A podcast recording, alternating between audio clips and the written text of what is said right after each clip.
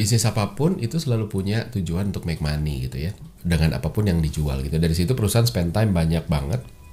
Waktu untuk mastiin kualitas produk gitu ya. Kita ngabisin banyak waktu di kantor untuk diskusiin feature. Gimana supaya kita bisa kompetitif.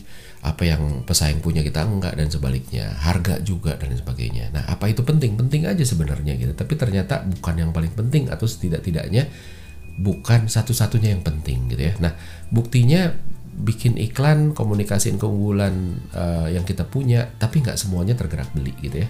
Uh, ada aja yang begitu gitu kan. Uh, bukan sekedar karena fiturnya nggak menarik fiturnya sebenarnya menarik menarik aja gitu. Tapi uh, dan bukan juga karena iklannya nggak mengkomunikasikan hal itu karena udah dikomunikasikan juga. Uh, dan bukan juga karena konsumen yang nggak nangkep. Uh, tapi lebih karena nggak ada daya yang menggerakkan yang kuat sehingga orang uh, apa ya mau beli dan ini kita ngomongin bukan kasih promo, bukan soal kasih promo, kasih potongan harga dan sebagainya gitu ya. Nah kita berpikir yang menggerakkan konsumen itu adalah kualitas produk kita. Makanya kita ngabisin banyak waktu di sana. Padahal bukan. Yes itu punya kontribusi, tapi yang paling menggerakkan sebenarnya adalah otak si konsumen itu sendiri gitu ya. Apa yang disajikan ke hadapan kita itu bisa aja bagus apa atau jelek gitu ya. Tapi yang disajikan ke hadapan kita itu akhirnya akan direkonstruksi. Kalau kita bikin iklan nih, iklannya ngomongin A gitu ya itu akan direkonstruksi sama si otaknya audiens itu untuk melihat dan gimana hasil rekonstruksi itu yang akhirnya berperan gitu kan. Uh, kalau rekonstruksinya bagus, apa pun aslinya ya bagus saja. Kalau rekonstruksinya baik, pada uh, jelek, padahal produknya bagus ya jadi nggak ada dorongan. Dan hasil rekonstruksi itu yang akhirnya menciptakan ekspektasi gitu. Jadi bukan produk kita yang menciptakan ekspektasi, tapi produk kita dan bagaimana kita mengkomunikasikan yang bikin gimana otak merekonstruksinya dan rekonstruksi itu yang akhirnya create ekspektasi dan ekspektasi ini yang akhirnya nentuin pleasure-nya, bukan produk gitu ya. Uh, atau bahkan ketika produk punya andil menentukan pleasure, tapi pleasure-nya bergantung sama ekspektasi. Jadi hari ini kita mau ngomongin ekspektasi dan itu penting banget gitu. Nah, kenapa bisa begitu? Uh, kalau gini deh saya tanya, mana yang yang kasih pleasure atau yang mana yang lebih ngegerakin ekspektasi gitu, yang bikin kita ngebet gitu ya? Kalau dalam hal makanan ya, kita mau makan di restoran. Satu momen pertama adalah pingin makan steak gitu ya. Terus habis itu kita berangkat ke resto yang kedua. Yang ketiga adalah sampai di resto. Keempat terus pesan makanan nunggu makanan makan habis makan gitu ya. Uh, kebanyakan orang uh, kurvanya naik pelan-pelan. Dari mulai pengen makan steak terus naik naik naik naik. Dan peaknya itu bukan ketika makan. Peaknya itu adalah di nunggu makanan. Gitu. artinya momen makan dan selanjutnya itu justru udah lewat peak dan tinggal turun Terus habis itu sama juga dengan beli gadget baru gitu ya. Kita lihat iklan gadget, berangkat ke toko, lihat lihat lihat HP di toko gitu ya. Terus kita beli, bawa pulang, nyobain pakai sehari-hari. Peaknya itu adalah di lihat-lihat HP sampai beli. Tapi begitu pakai dan selainnya itu habis itu turun gitu ya.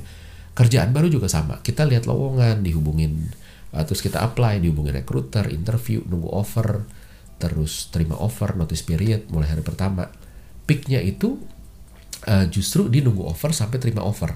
Bukan di ketika kita mulai kerja gitu. Jadi peak dorongan kita tuh adanya di sana. Dan dan menariknya peak pleasure ini apa ya justru bukan di moment of truth ketika kita belinya tapi justru sebelum itu gitu. Jadi menarik nih. Kalau kehidupan sehari-hari gitu ya pacaran itu nggak seseru waktu ngejar waktu PDKT bener apa nggak? Silakan deh yang laki-laki yang suka ngejar dulu ya. Uh, mungkin bisa bisa bisa share juga gitu ya. Tapi itu tadi gitu. Begitu begitu ngejar itu seru banget susah naik turun. Tapi seru itu yang bikin ekspektasi kita naik terus gitu ya. Begitu udah jadian eh, nggak ada nggak banyak ekspek eh, bukan nggak banyak sih tapi ekspektasinya eh udah dapet gitu ya. Uh, pelan-pelan serunya turun. Makanya selalu ada aja yang selingkuh bahkan waktu ngejar itu perjuangannya luar biasa gitu yang kita bilang lo dulu kan ngejarnya setengah mati sekarang kok malah lu selingkuh ya? Lo nggak tau malu banget gitu ya. Uh, ya ya itu dia gitu kan.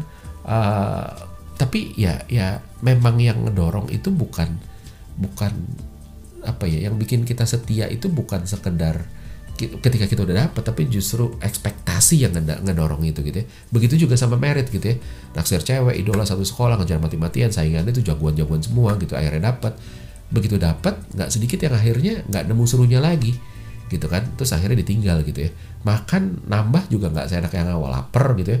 Porsi porsi pertama enak banget nambah deh. Porsi kedua dimakan kok biasa aja. Karena itu tadi ekspektasi.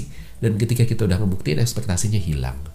Gitu. Nah uh, gimana ini bisa terjadi? Yang pertama adalah ekspektasi itu didrive sama dopamin gitu ya.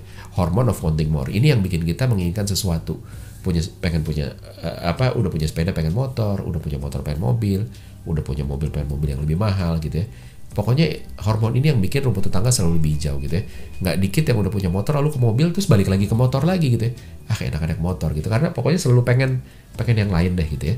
Nah tiap-tiap orang itu punya punya tendensi sensitivitas dopamin yang berbeda-beda. Namanya dopamin energik uh, level gitu ya. dan ini ada tesnya sebenarnya Nah, dopamin ini drive uh, ini yang drive rekonstruksi di otak itu tadi gitu ya.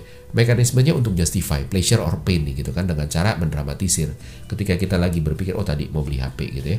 Terus habis itu uh, otak mulai mikirin, "Oh, nih uh, kayaknya seru nih beli, beli HP nanti gue mau pakai buat ini buat ini." Nah, itu rekonstruksi yang dilakukan sama otak yang membuat pleasure-nya jadi semakin apa ya, semakin vivid gitu, semakin clear gitu ya uh, walaupun tetap butuh trigger gitu ya dari dari produk dan sebagainya. Nah uh, dan makin dekat itu makin nyata, makin dekat makin ada dorongan. Makanya contohnya kalau ke uh, ke kehidupan sehari-hari ya, kita lagi nyetir nih uh, apa uh, nyetir keluar kota deh gitu ya naik mobil gitu ya. Terus habis itu uh, apa namanya kita mau kayaknya mau kencing deh gitu ya. Uh, kebelet gitu ya, kebelet mau kencing terus habis itu udah jauh-jauh gitu ya terus habis itu ada rasa kebelet tapi nggak sampai nggak tertahan kan gitu ya. Terus ketemu SPBU kita kan langsung ngancir ya. Ngancir ke sana ke uh, toilet gitu ya. Masih bisa ketahan sama sekali nggak kayak nggak bisa ketahan gitu. Begitu di depan mata gitu ya uh, pintunya ternyata toiletnya penuh. Sehingga kita harus nahan gitu ya. Aduh antrinya panjang lagi. Nah itu mendadak. Itu jadi susah menahan gitu. Kenapa? Karena udah ada ekspektasi yang ngedrive bahwa ini udah mau keluar. Ayo siapin keluarin gitu ya. Begitu ternyata nggak jadi wah ekspektasinya udah keburu ngedorong itu bukti bahwa sebegitu powerfulnya si ekspektasi itu tadi gitu ya. Uh, dan bahkan kencing pun itu juga di, di mekanisme kencing itu sendiri buang air kecil itu juga di drive sama otak gitu ya. Contohnya apa? Coba deh habis kencing 10 menit kemudian laki yang laki-laki terutama 10-15 ya, menit kemudian ke kamar mandi lagi gitu ya. Nggak nggak ada rasa pengen kencing kebelet atau apa pun gitu ya. Udah ke kamar mandi ke tempat kencing gitu ya, urinoir atau apa pun gitu ya udah berdiri aja gitu kan. Kalau kita diem berdiri aja nggak akan keluar. Tapi kalau kita ngebayangin oh ini mau keluar nih mau keluar nih mau keluarnya kayak gimana gitu ya. Terus tiba-tiba keluar ya walaupun cuma sedikit gitu ya.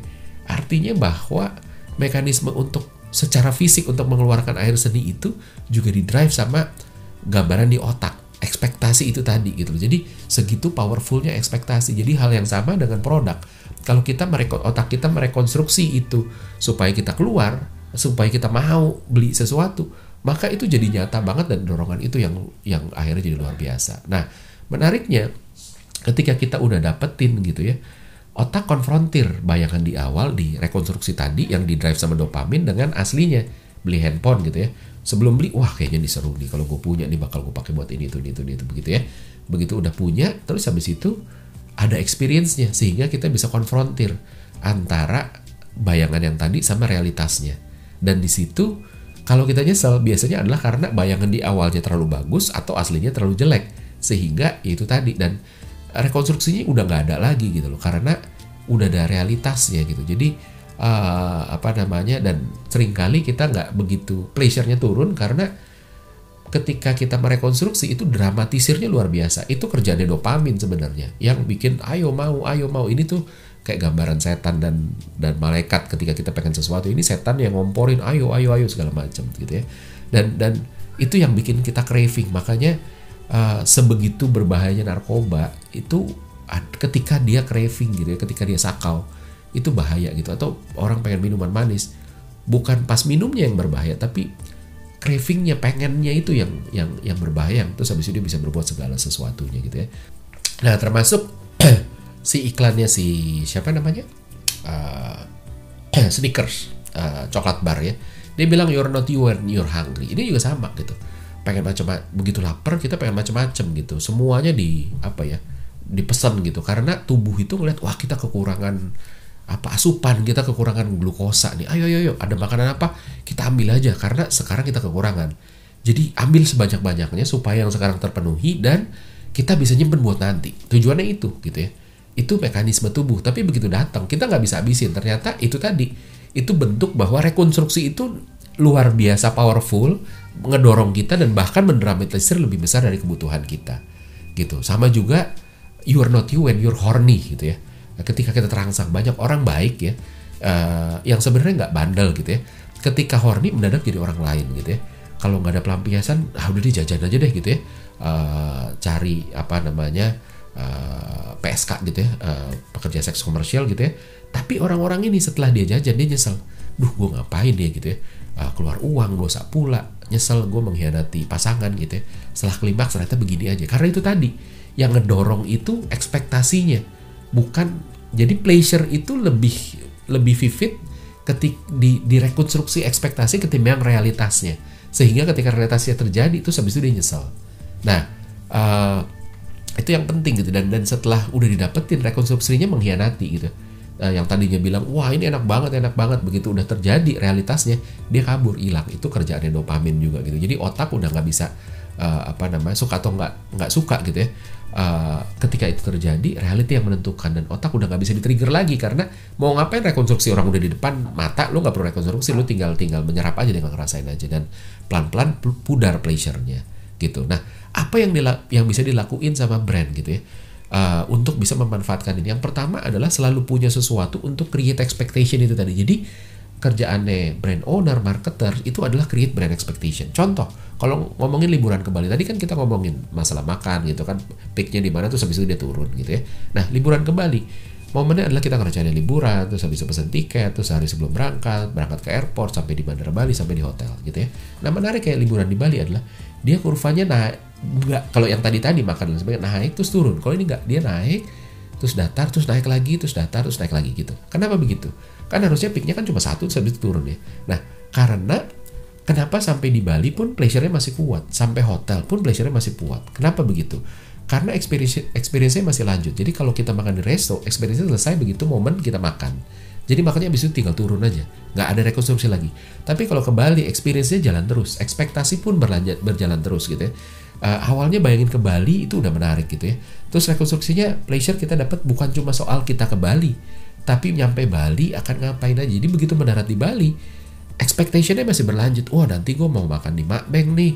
Oh gue mau apa namanya dinner di resto fancy nih atau gue mau main ke Atlas nih atau apa pun itu yang itu membuat ekspektasinya masih naik terus gitu ya.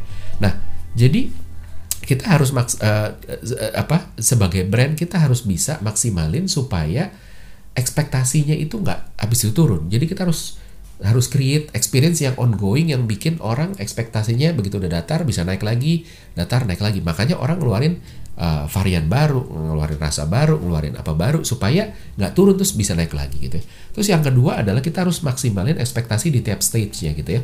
Uh, di pre-purchase apa yang bisa uh, bikin orang ngebayangin dan expectation kasih gambarannya yang bisa triggering mereka untuk bisa mendramatisir supaya ekspektasinya naik. Social proof-nya berperan. Gimana caranya orang banyak rekomendasi oh ini enak banget gitu ya. Di level purchase kemasannya gimana? Oke nggak yang bikin orang wah gila kemasannya menarik banget nih gitu ya.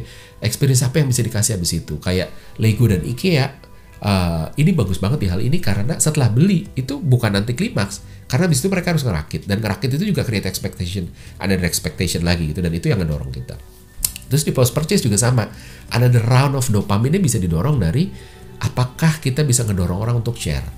Kalau ini uh, produk yang bagus banget ini akhirnya jadi apa ya bisa jadi ngedorong orang untuk dapetin another round of dopamine karena oh gue bisa share terus nanti gue dipuji orang nih orang banyak yang suka gitu ya.